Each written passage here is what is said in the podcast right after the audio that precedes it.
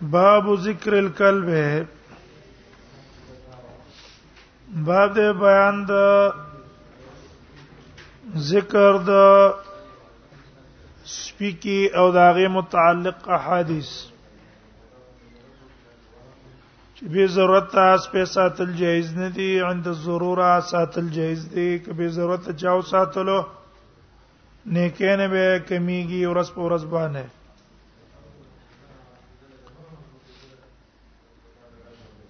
دې باب کې مصنف رحم الله شپږ احادیث راوړي او رجه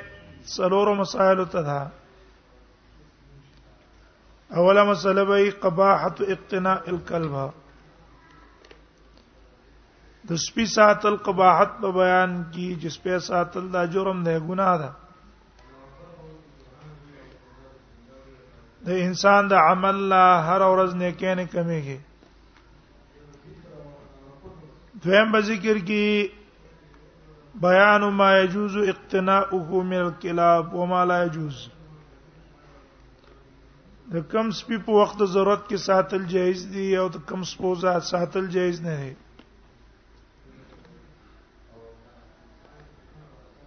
او بل مسله به ذکر کې قتل الكلاب نبی سلام اول کې حکم کړی او د سپو په وجلو بیا رسته منع وکړه چې دا مو وجنه زکه دا یو امت ته من الامم سلورو مسله بیانای النهي عن تحريش الكلاب سپه په یو بل په خلاف را باعث کول او په هغه باندې جنگ کول دا ناروا دي حریش البهائم نه نبی صلی الله علیه کړی چې ته حیوانات تیزه دی یو بل په خلاف جنگ پکې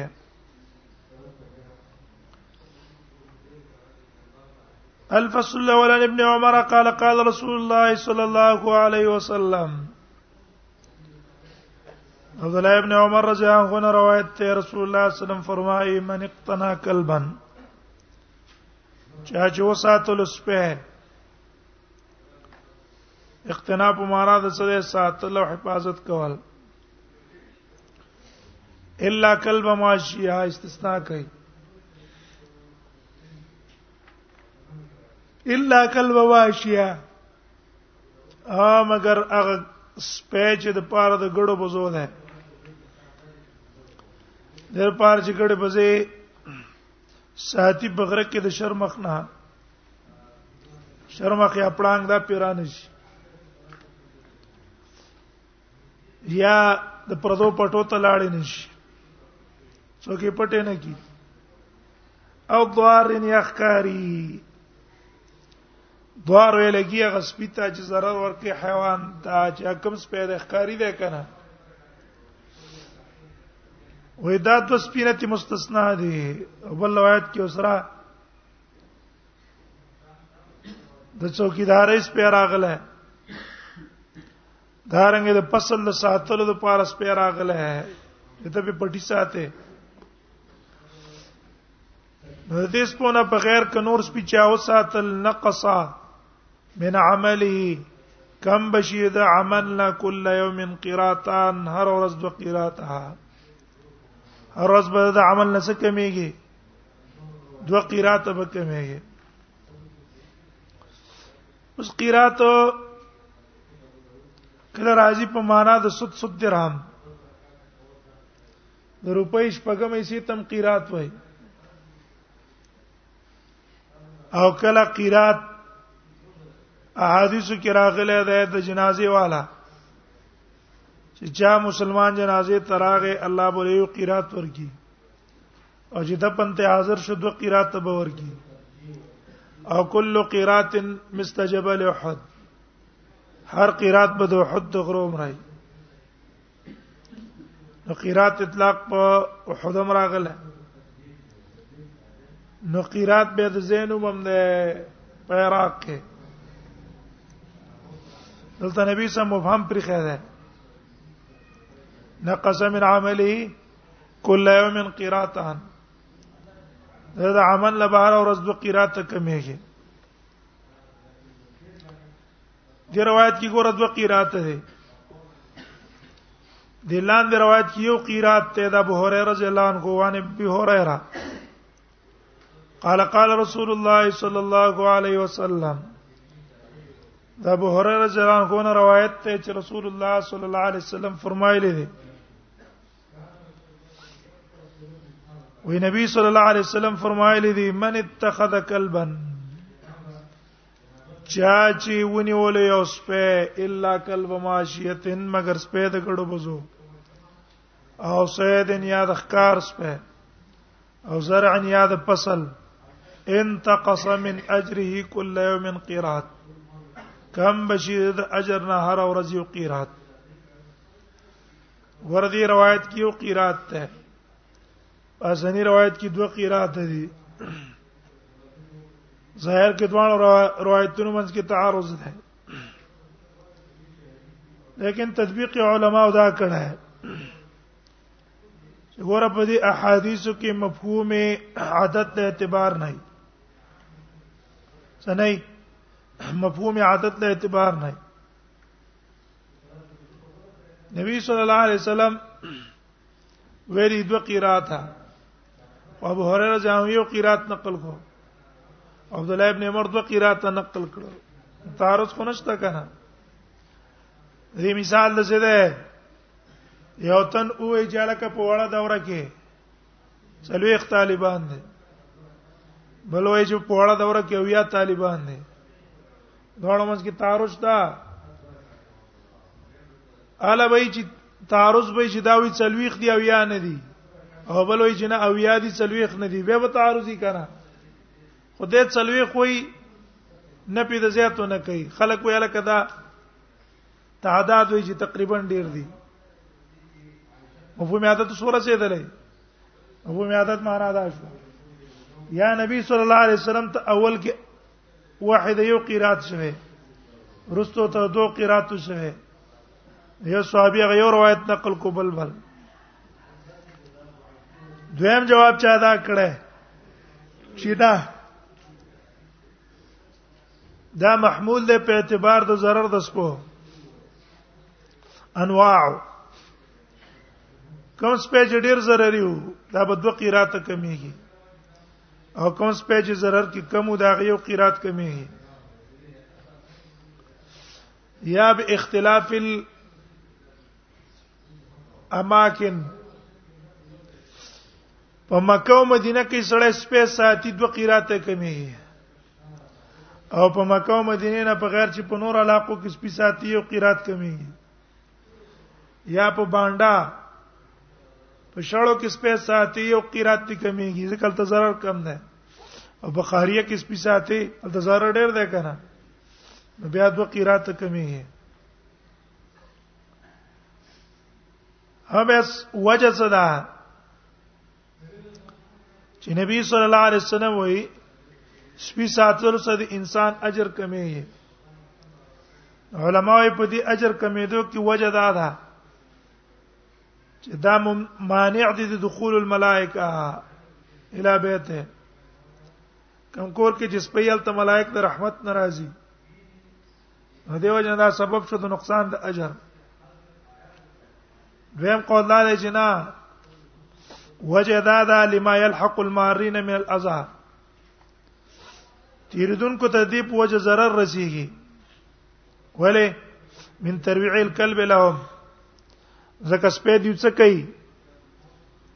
یریږي ته کنه اسه کوڅړب سپم پروتي او خلک چې پیور تیریږي یریږي چرته سراته ونه کی خل روانه چي zarar ده دیو جنا خلق ته سبب د zarar ده نو اجر هم کمیږي وعن جابر قال مرنا رسول الله صلی الله علیه وسلم جابر رضی الله عنه روایت ته مونږ ته نبی صلی الله علیه وسلم حکم کړی بقتل الكلاب وجلد اسپو جس پیمړه کوي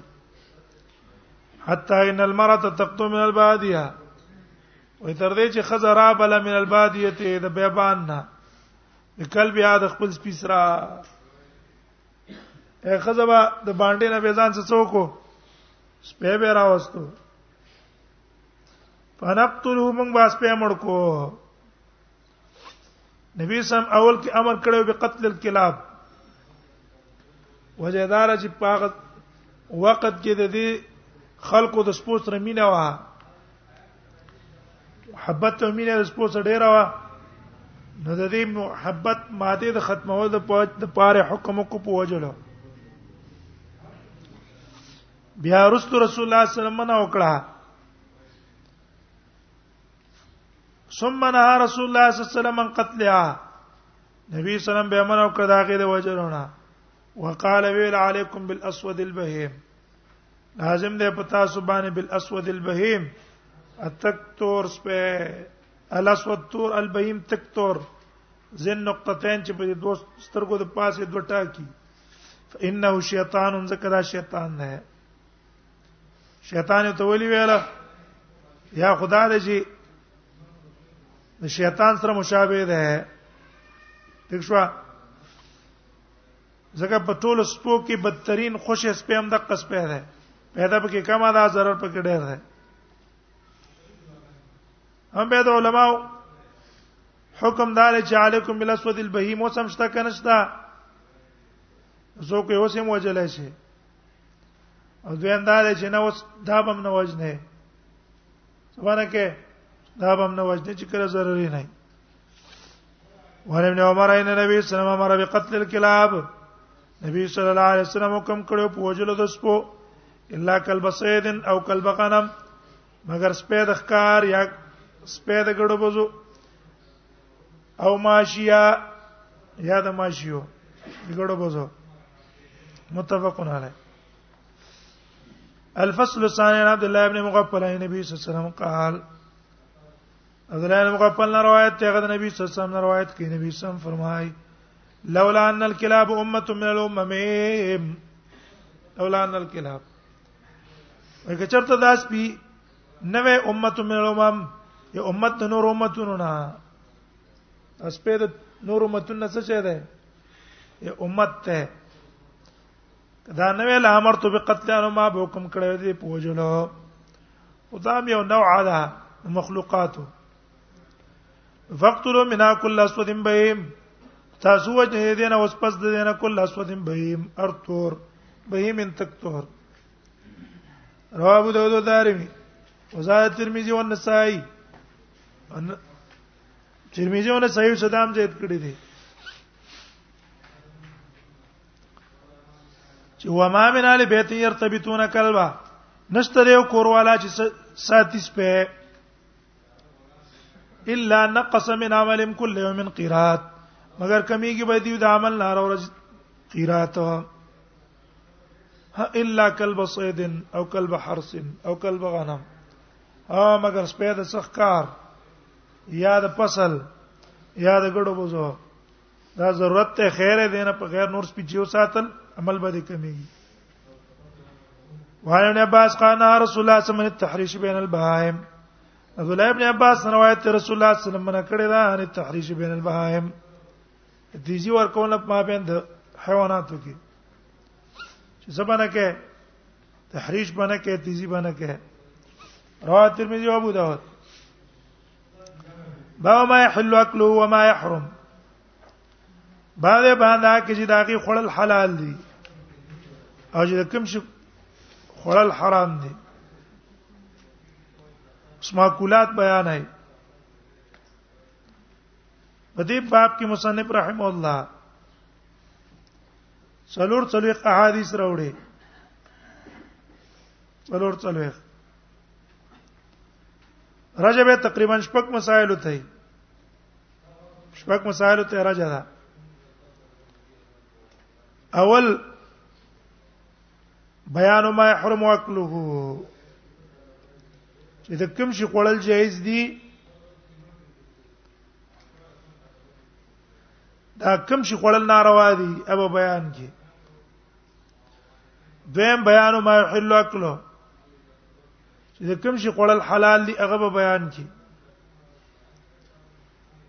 دریم الامر بقتل بعض الموزيات وعدم قتل بعضها بعضی موزیات به ذکر کی چې دا وجه نه پر ځای کې او د بعضی د وجو نه به منو کی چې دا بنه وجه نه نو څلورمه سره به ذکر کی ان نه کیو ان تحریق النمل وجواز قتله ور باندې سیزل د میګو ناروا دي چې کله ضرر یانه لیکن وجلې جایز دي چې کله ضرري میګه ده شي چې کې دي بس د لا خرابې دي نه وړي ته د دوی واچې د مرګ لپاره جایز ده اوسې زه به نه نو پنځمه مسله وی ان یو ان تسدیل بعض الحيوانات نه به د ذلیلول د بعض حیواناتونه دا باندې ذلیله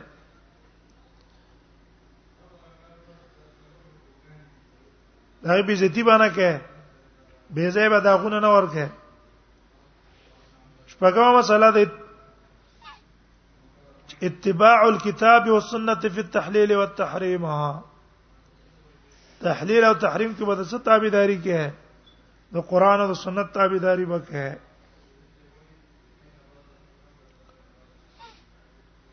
ومخکې د باب شروع کورونه دا خبره ځین کې کی کینه وای اصل اصل په معقولاتو کې اباحت ته ک تحریم نه ک توقف ده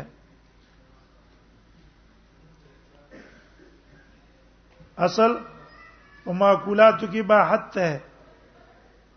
ک تحریم ده ک توقف ده اباحت معنا څه ده اباحت معنا هر شی موږ له خړل جایز مګر که شریعت راغلی داغه په حرمت که دلیل د حرمت موجودو نه به خورو او که دلیل د حرمت نه قوي خړل به جایز دا معنا د اباحت شو معنا د تحریم دا ده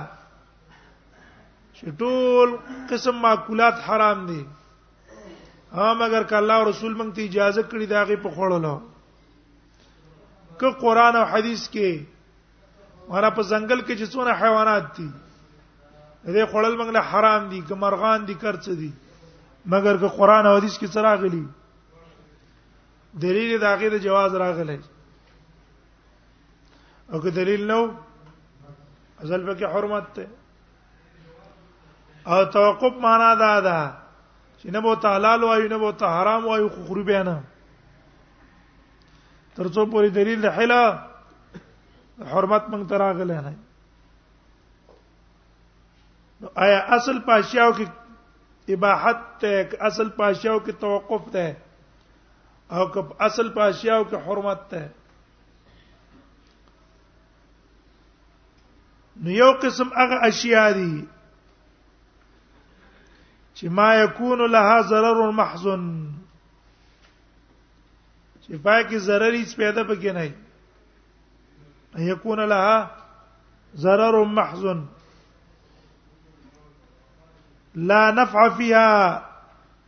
البتة پای کې هیڅ پیدا نه لکه مثلا په دې ونو بوټو کې بعضې د شینې چې زهريله دي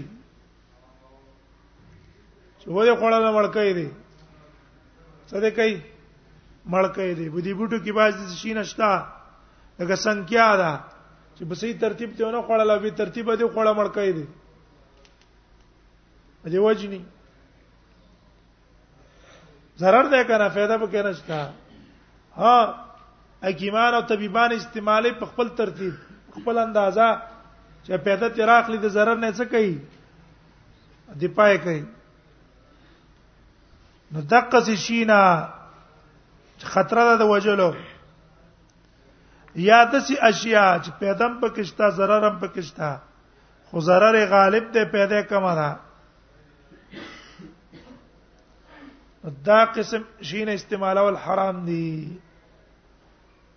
ځوی دا څه قسم شین استعمال او حرام دي په اتفاق د علما ورسه دی یا په کې څه ده zarar دې پیدا پکې شته ده نه یا پیدا او zarar دواړه پکې دي خو zarar غالب ده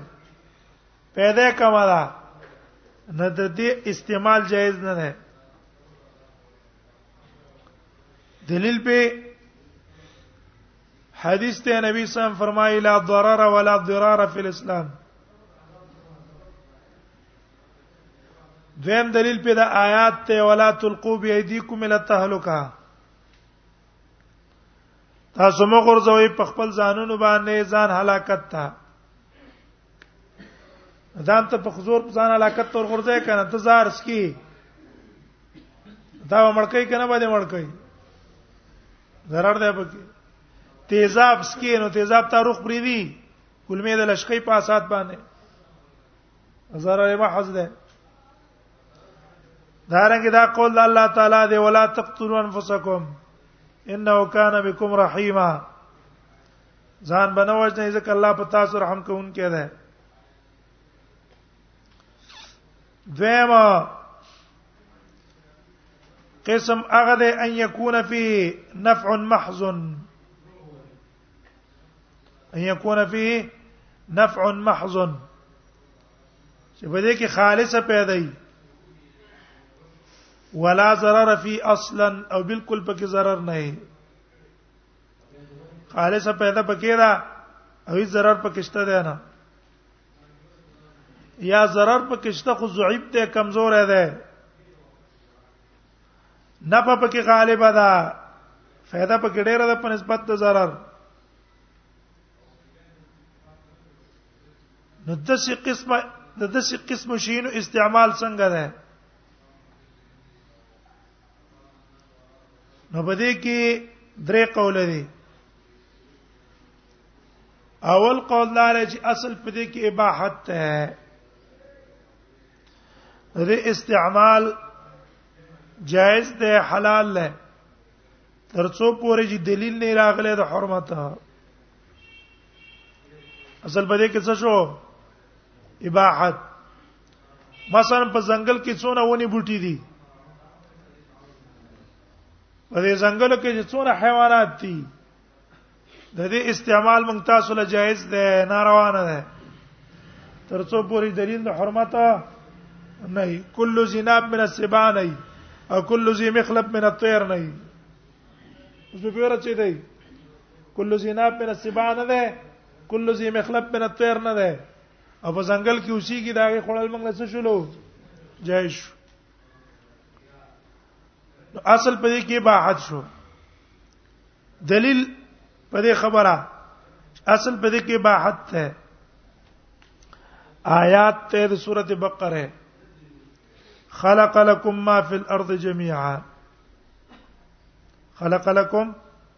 ما فی الارض جميعا الله ستاسو لپاره پزمکه کې چې دي وې دا ټول شنه الله تاسو له حلال کړی دی دا آیات الله ذکر کړی دی په زید امتنان او د احسان په خپل بندگانو اے بندگانو الله تاسو باندې احسان کړی دی پس په دې چې خلق لكم ما في الارض جميعا په دې ځمکه کې څونه شي نه دي الله ستاسو د پیدا لپاره پیدا کړی او قاعده دا ده چې ولا يمتن الا بمباح الله چې احسان کوي نو په کوم شي باندې کوي په دې شي باندې کوي چې دا کنه پیدا غستل ستاره لپاره څه وي مباح او که یو شینه پیدا غسل تعالی مباح نه هغه احسان کوي تا باندې الله نه دویم وی ټیک دا الله به را لګیدلې ده د دین خبائس مستثنا کړی دي چې دا باندې استعمال وای په احادیثو کې یا په آیاتونو کې هغه ځکه ته مستثنا کړی دی چې پای کې فساد ده څه ده پکې فساد او ذریعہ د پاره د نظام بګړاو اولو دغه غشینه چې تاخوري یا به تا مړ کی یا به اخلاق خراب کی یا به خوې خراب کی دغه د خوراکونو اثر په انسان کی ګره منګ اکثر قمقل ولی وجدار چې اکثر د میخو غوخي خورو څخرو یو غوخه خرو کنه چې میږي غوخه ډېرې خوري نو هغه اثر بدل کی راځي ډېرې غوخه څو خوري دا هغه شرمخ جوړيږي ازل ته چرګان او خورال ته کړي او خورال ته کباب خورا خو بس دام شرمخ دی کنه بل ته نه ګوري چې الکه د ضرورت ته کنه دی خو بس خپل ځان ډکې هغه نه مال وای غوي اثر قصې راځي کنه اجناس بنګ تاسو خونته کی کلول خوري او دال خوري او کله او تغوخه ملاو شي زړیم صحیح زړیم به نرمي او نه سخت نه دغه د غوخو د خوراک اثر په سړی باندې کیږي نبی سمې جلود سبع باندې مکه نه ولې مکه نه دغه چې ته پاګه کې نه سه خو خوې تا کې راضي کنه دا کې څه کیږي اقه خوې در کې راځي د شریعت مونږ ته وایي دا خوري دا مخوري دا کومونه چې منه کړی چې دا مخوري نو پاکي فساد یا اخلاق خرابوي شریعت وی شراب مسکي ولی شراب چې د اوسکل به هدا بدن جوړ شي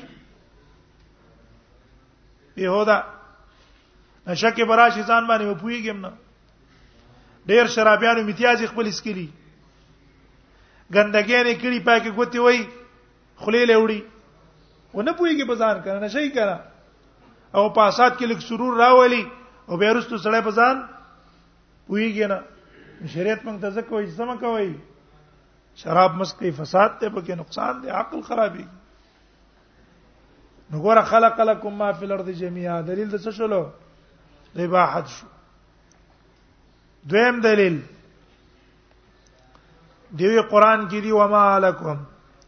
الله تاكل مما ذكر اسم الله عليه وای څو استاد پاره چې هغه شی نه خوري چې د الله نوم پیاد کړی شي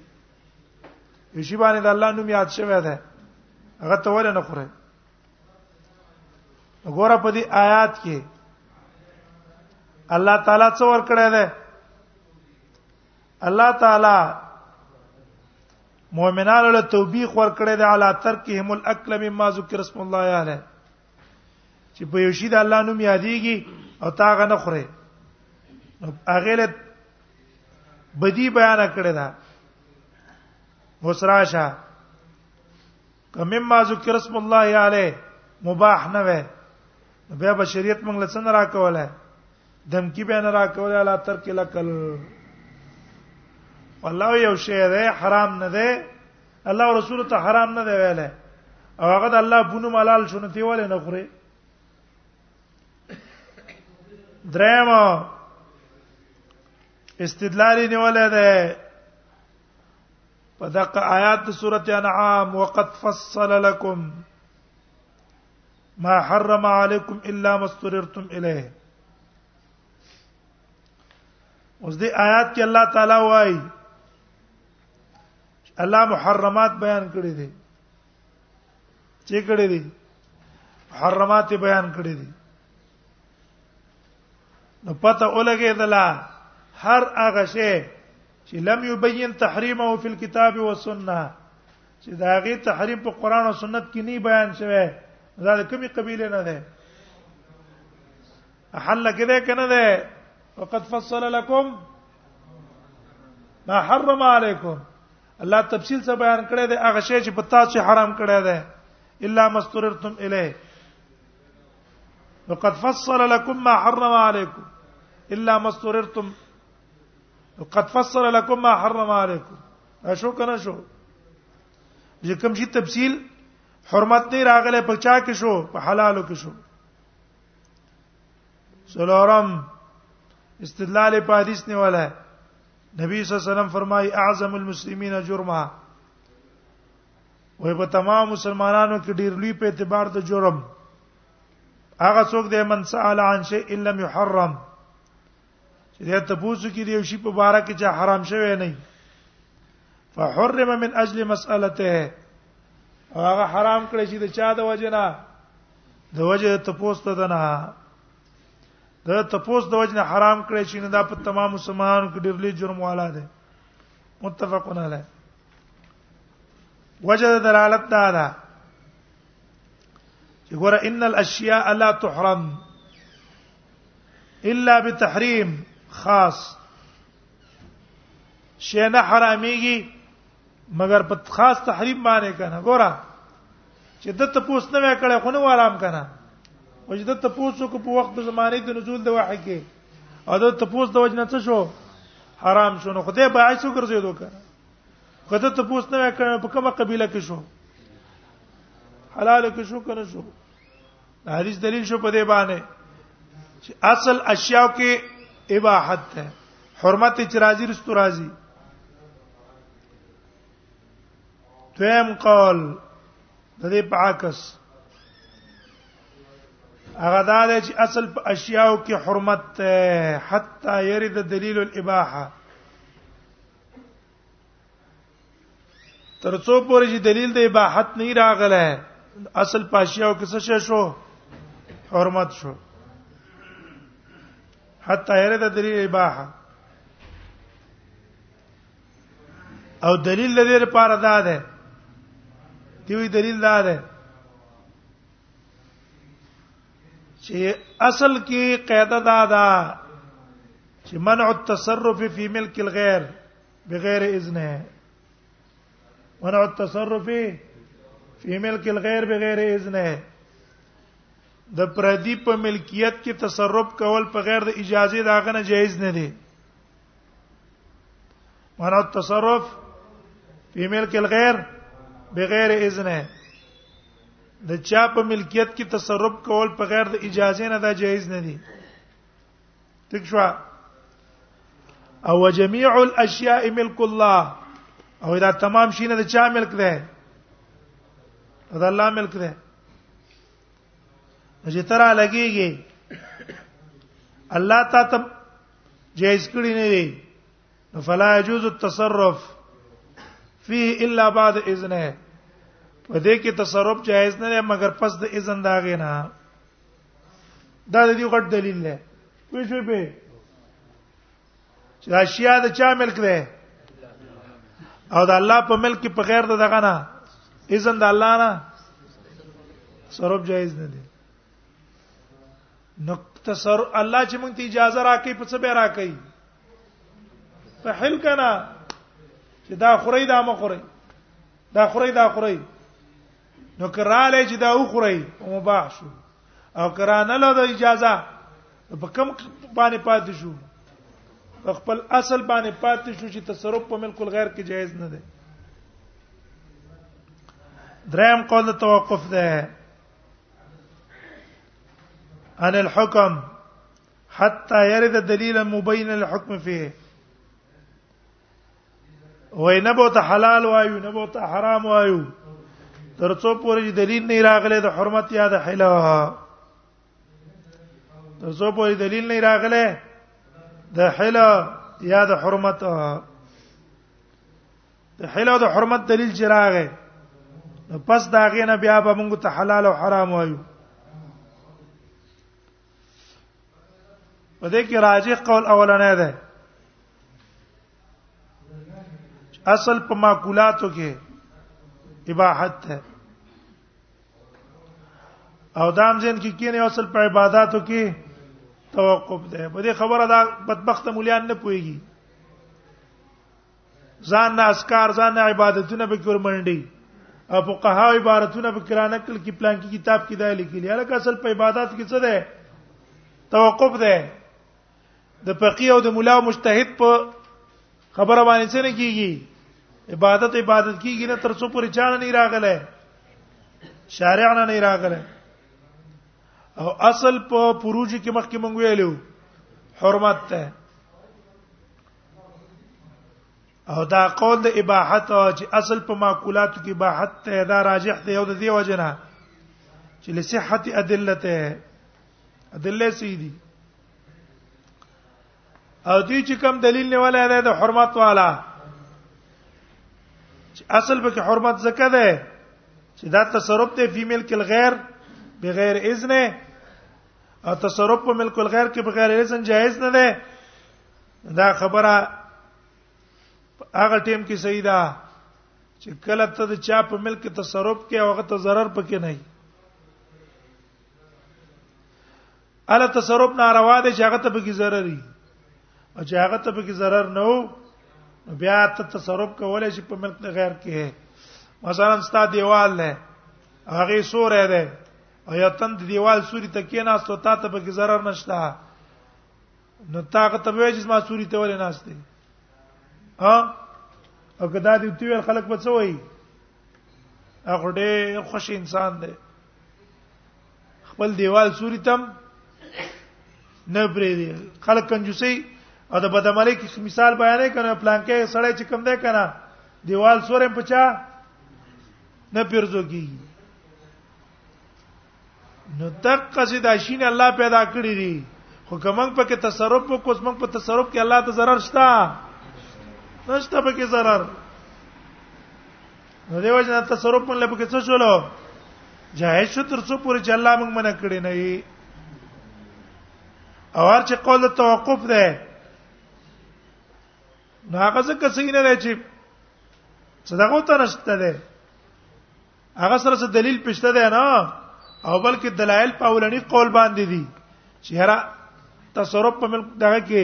اصل پاشیاو کې باحت ده الفصل الله ولا نبي هريره رضي الله عنه قال قال رسول الله صلى الله عليه وسلم دا ابو هريره ځان روایت ده رسول الله صلی الله علیه وسلم فرمایلی کل ذی ناب من السباع هر داړور من السبات درندګانو نه زیناب باندې په داړه ماتول کوي او السبع سبع د درنده ده نو کل زیناب من السبع درند د دې خړل ناروا دي اکله حرام د دې خړل حرام دي صلی الله رسول دې منع کړی دا زکه د دې په خړلو کې zarar دي انسان ته ډیر غلط امراض پیدا کوي خو له خرابوي عادتونه له خرابوي الذين من السبا بس موږ په دې نه پويګو الله رسول وي سوي خوري او شرم مخمه خوري ټیک شو الله رسول وای چې عام مرغۍ خوري خو زی مخلب مخوري حال کې دواړه مرغۍ دي کنه دي خو زی مخلب مخوري الله رسول په دې خپويږي مونږ په نه پويګو ولذي مخلب من الطير وعن ابن عباس قال رسول الله صلى الله عليه وسلم كل ذناب من السباع وكل ذي مخلب من الطير هر خاوند پنځه د مرغانو پنځه معنی څه ده چې پنځه ماته ول کوي باز په دې پنځه نیول کوي کنه کوي په پنځه نیول کوي ا کزي مخلب نو په ټنګه باندې شي دښکاو لکه مرغې ملخان خوري کنه خوري خوري کنه په پنځه نه سي په پنځه نه نس دا چرګم چې کم دي ملخان او دا شي نه خوري او په پنځه نیول کوي نه نازي مخلب دا ده چې اوزل شي په پنځه ونی سي کلک او بیرسته په څه کوي شروع به کوي هغه د عباس شو یا د پرنګ اتوتیان شو همزي مخلب دي کنه په پنځ نیول کوي خکارم چې کوي په پنځ باندې شي اونې سي کته ټینګ کیو به رستو دای نه خوري ولزي مخلب بنت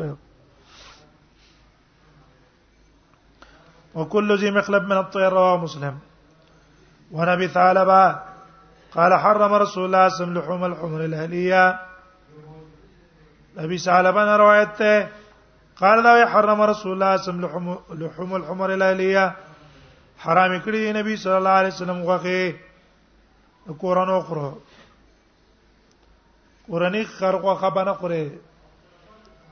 دواجه دا نجاست دا غنه ام ټول علما قائل دي د حرمت عبد الله ابن عباس نه قول نقل له دا په خیبر کې وختي منشي یو حمولې د وجنه یو امام مالک هم یو قول د جواز نقل لکنه لا اجد فيما وحيليا محرما على طعام يطعم الا يكون ميتا دې لاندې مفسرین ذکر کړه هم نه ولیکن حدیث نه خلاف دی نبی سمنه کړی نه به استعماله ابو خاری کې د عبد الله ابن عباس قول نقل کړي وا با ذالک الحبر عبد الله ابن عباس خدا نه وای ټیک دا کله ته نه وای نو وعن جابر ان رسول الله صلى الله عليه وسلم يوم خيبر الحمل حمر الاليه جابر نه روایت دی رسول الله صلی الله علیه وسلم وکړه په ورځ خیبر الحمل حمر الاليه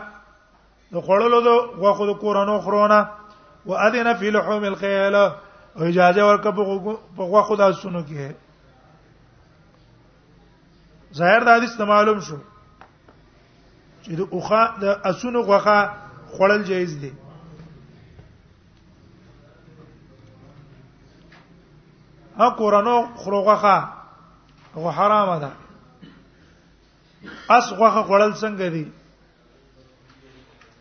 نو بده کې یو قول دی ما بونی فنا نقل له چا قول دی دا حرمت حرمت دیم قول دا غنه نقل له کراهت تنزیهی یو قول دی څه نقل له حرمت او دا قول د حرمته د بعض احناف نم نقل لای لکه فتح القدیر کې نقل کړه او مالکیانو نه هم یو قول نقل له حرمت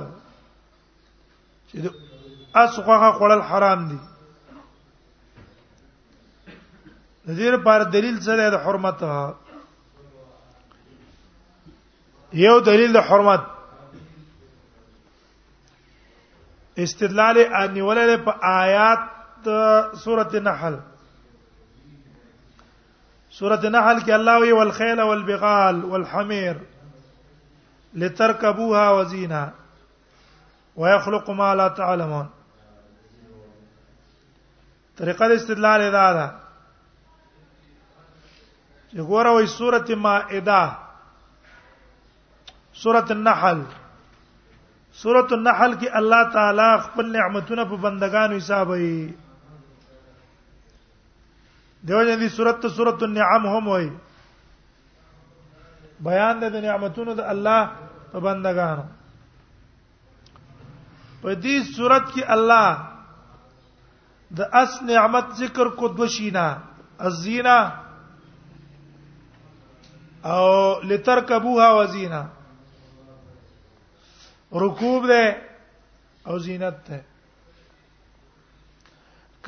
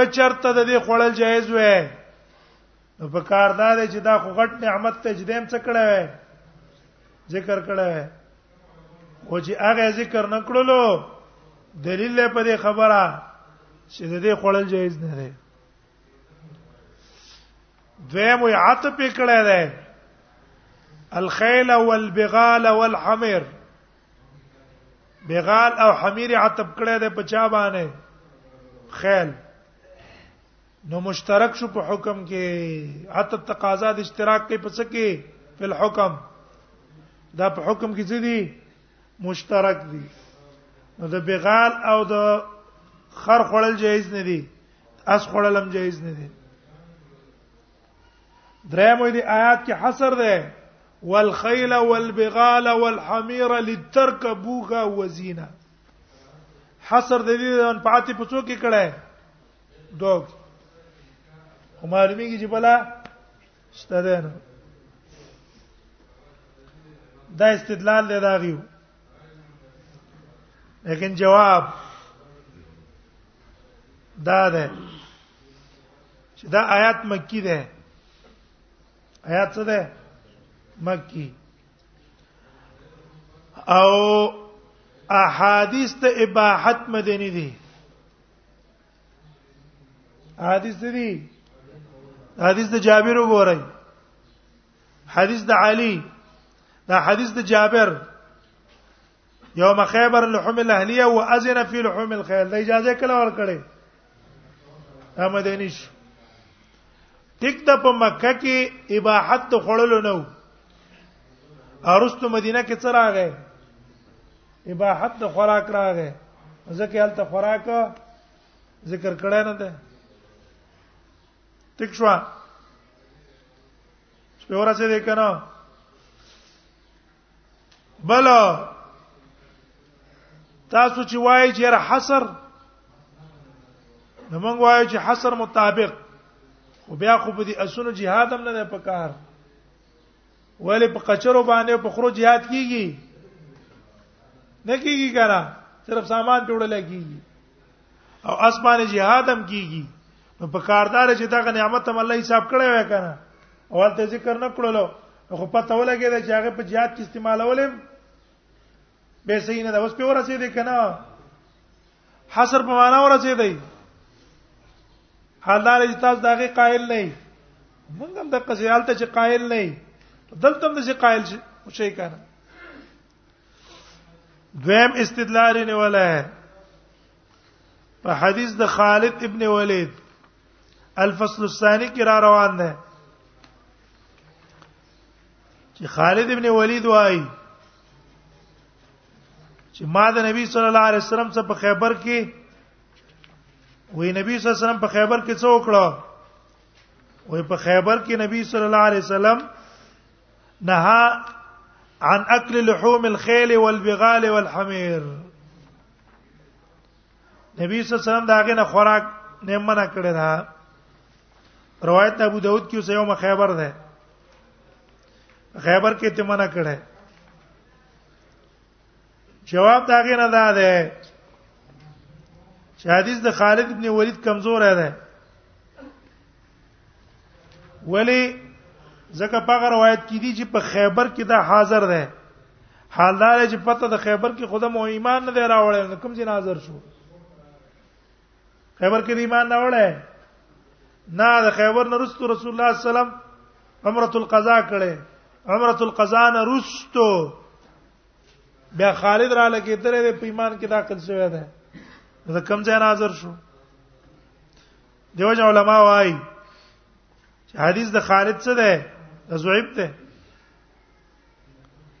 دریم استدلال نه ولې په حدیث د جابر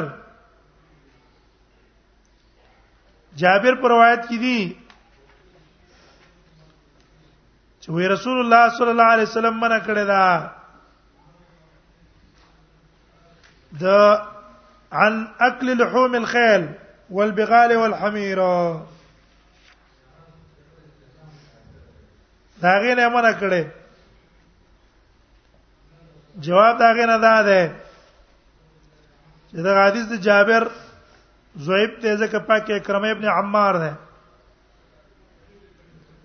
اکرم ابن عمار زویب ته عند اهل الحديث بل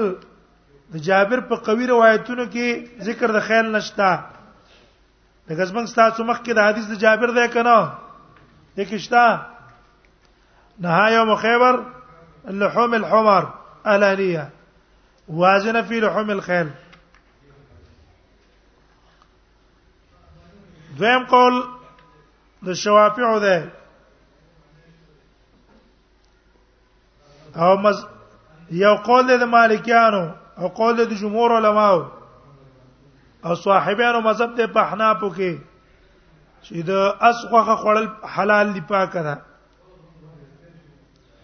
دلیل یو په دې حدیث د جابر نه ولا دې حدیث دلیل نه ولا دویم حدیث استدلال نه ولا حدیث د جابر دا شو کنه چې نه یوم خیبر اللحوم الحمر الاهلیه واذن فی لحوم الخيل د اسونه په خوخه کې اجازه ورکړي دویم استدلال نه ولا په حدیث د اسماء اسما روایت کې دي وای موږ څه چل کړی دی اسما بنت ابي بکر صدیق وای ذبحنا على عهد رسول الله صلى الله عليه وسلم فرسا ونحن بالمدينه فاكلناه وای د نبی سم په زمانہ کې مدینه کې اصلال کړه من هغه خوړل ده متفقون علی روایت ده بعض روایت کې دي بل روایت کې دي فاکل لاغو واهل بیته منګ او د نبی سم اهل بیت خوړل ده زکړه ده من خوړل ده احنا پر لګی دي دي بدای سنای والا د دې د سنت جواب کړه و کېدې شي دا چرته و دا په ابتدا کې او چې کله خیبر کې من رااله نو کورانو خرو غوخونه اسونه مسبند شو هغه مخکې به خرو غوخه خړلې دا اسونه به هم خړلې هم حرام شو زم جواب کوي کې دې چې اسما دا کار کړي رسول الله ته خبر نه صحیح ابدای سنای والا وای وای کې دې صحابه دا کار کړي نبی سلام ته خبر نه دا دواړه جوابونه کمزوري دي ولې دی حدیث د جابر کرال منه کله کړی دا خیبر کې د کورانو خرونه او اجازه د حومل خیل کې ور کړی دښوا صریح دی په دې کې او پات شو د اسماء چې خبيب نبی سم به خبر نه هغه کمزورې خبره ده هر عمل به موږ وایو رسول الله کېږي چې خبر نه زمانہ د وحی دی یو کار دی کیږي او نبی سم دې خبرې کې نه او کېږي نش بلای کې دی چې فاکلناه واهل بیته منګم خړلې او د نبی سم اهل بیت هم خړلې د نبی سم په کور کې خوخه ده اس په خېدله نبی سم دې دونه نه خبرېږي دیو نه کمزور جواب دی او امام ابو حنیفه نه بل قول نقل لري څو هغه نه قول نه نقل لري کراهت تنزیهی بهتر نه ده وجدار چې د اعلی د جهاد ده څه ده اعلی د جهاد ده دې په خړلو کې مونږ اجازه ورکو نو سبب شي بیا به اعلی د جهاد به ختم شي نو د دې وجنه اسونه بناله علی په دې کې راجع قول نه څه ده اباحت خړل جایز دي چې سړی خوري بالکل خړل شي حرمت پکې شته ده نه ومنګ تاسو دلته چون کې عادت نه اکثر په افغانستان او په دې پاکستان کې حنفي مذهب چریږي عادت سنین جنی عادت تاسو خړل هم نشو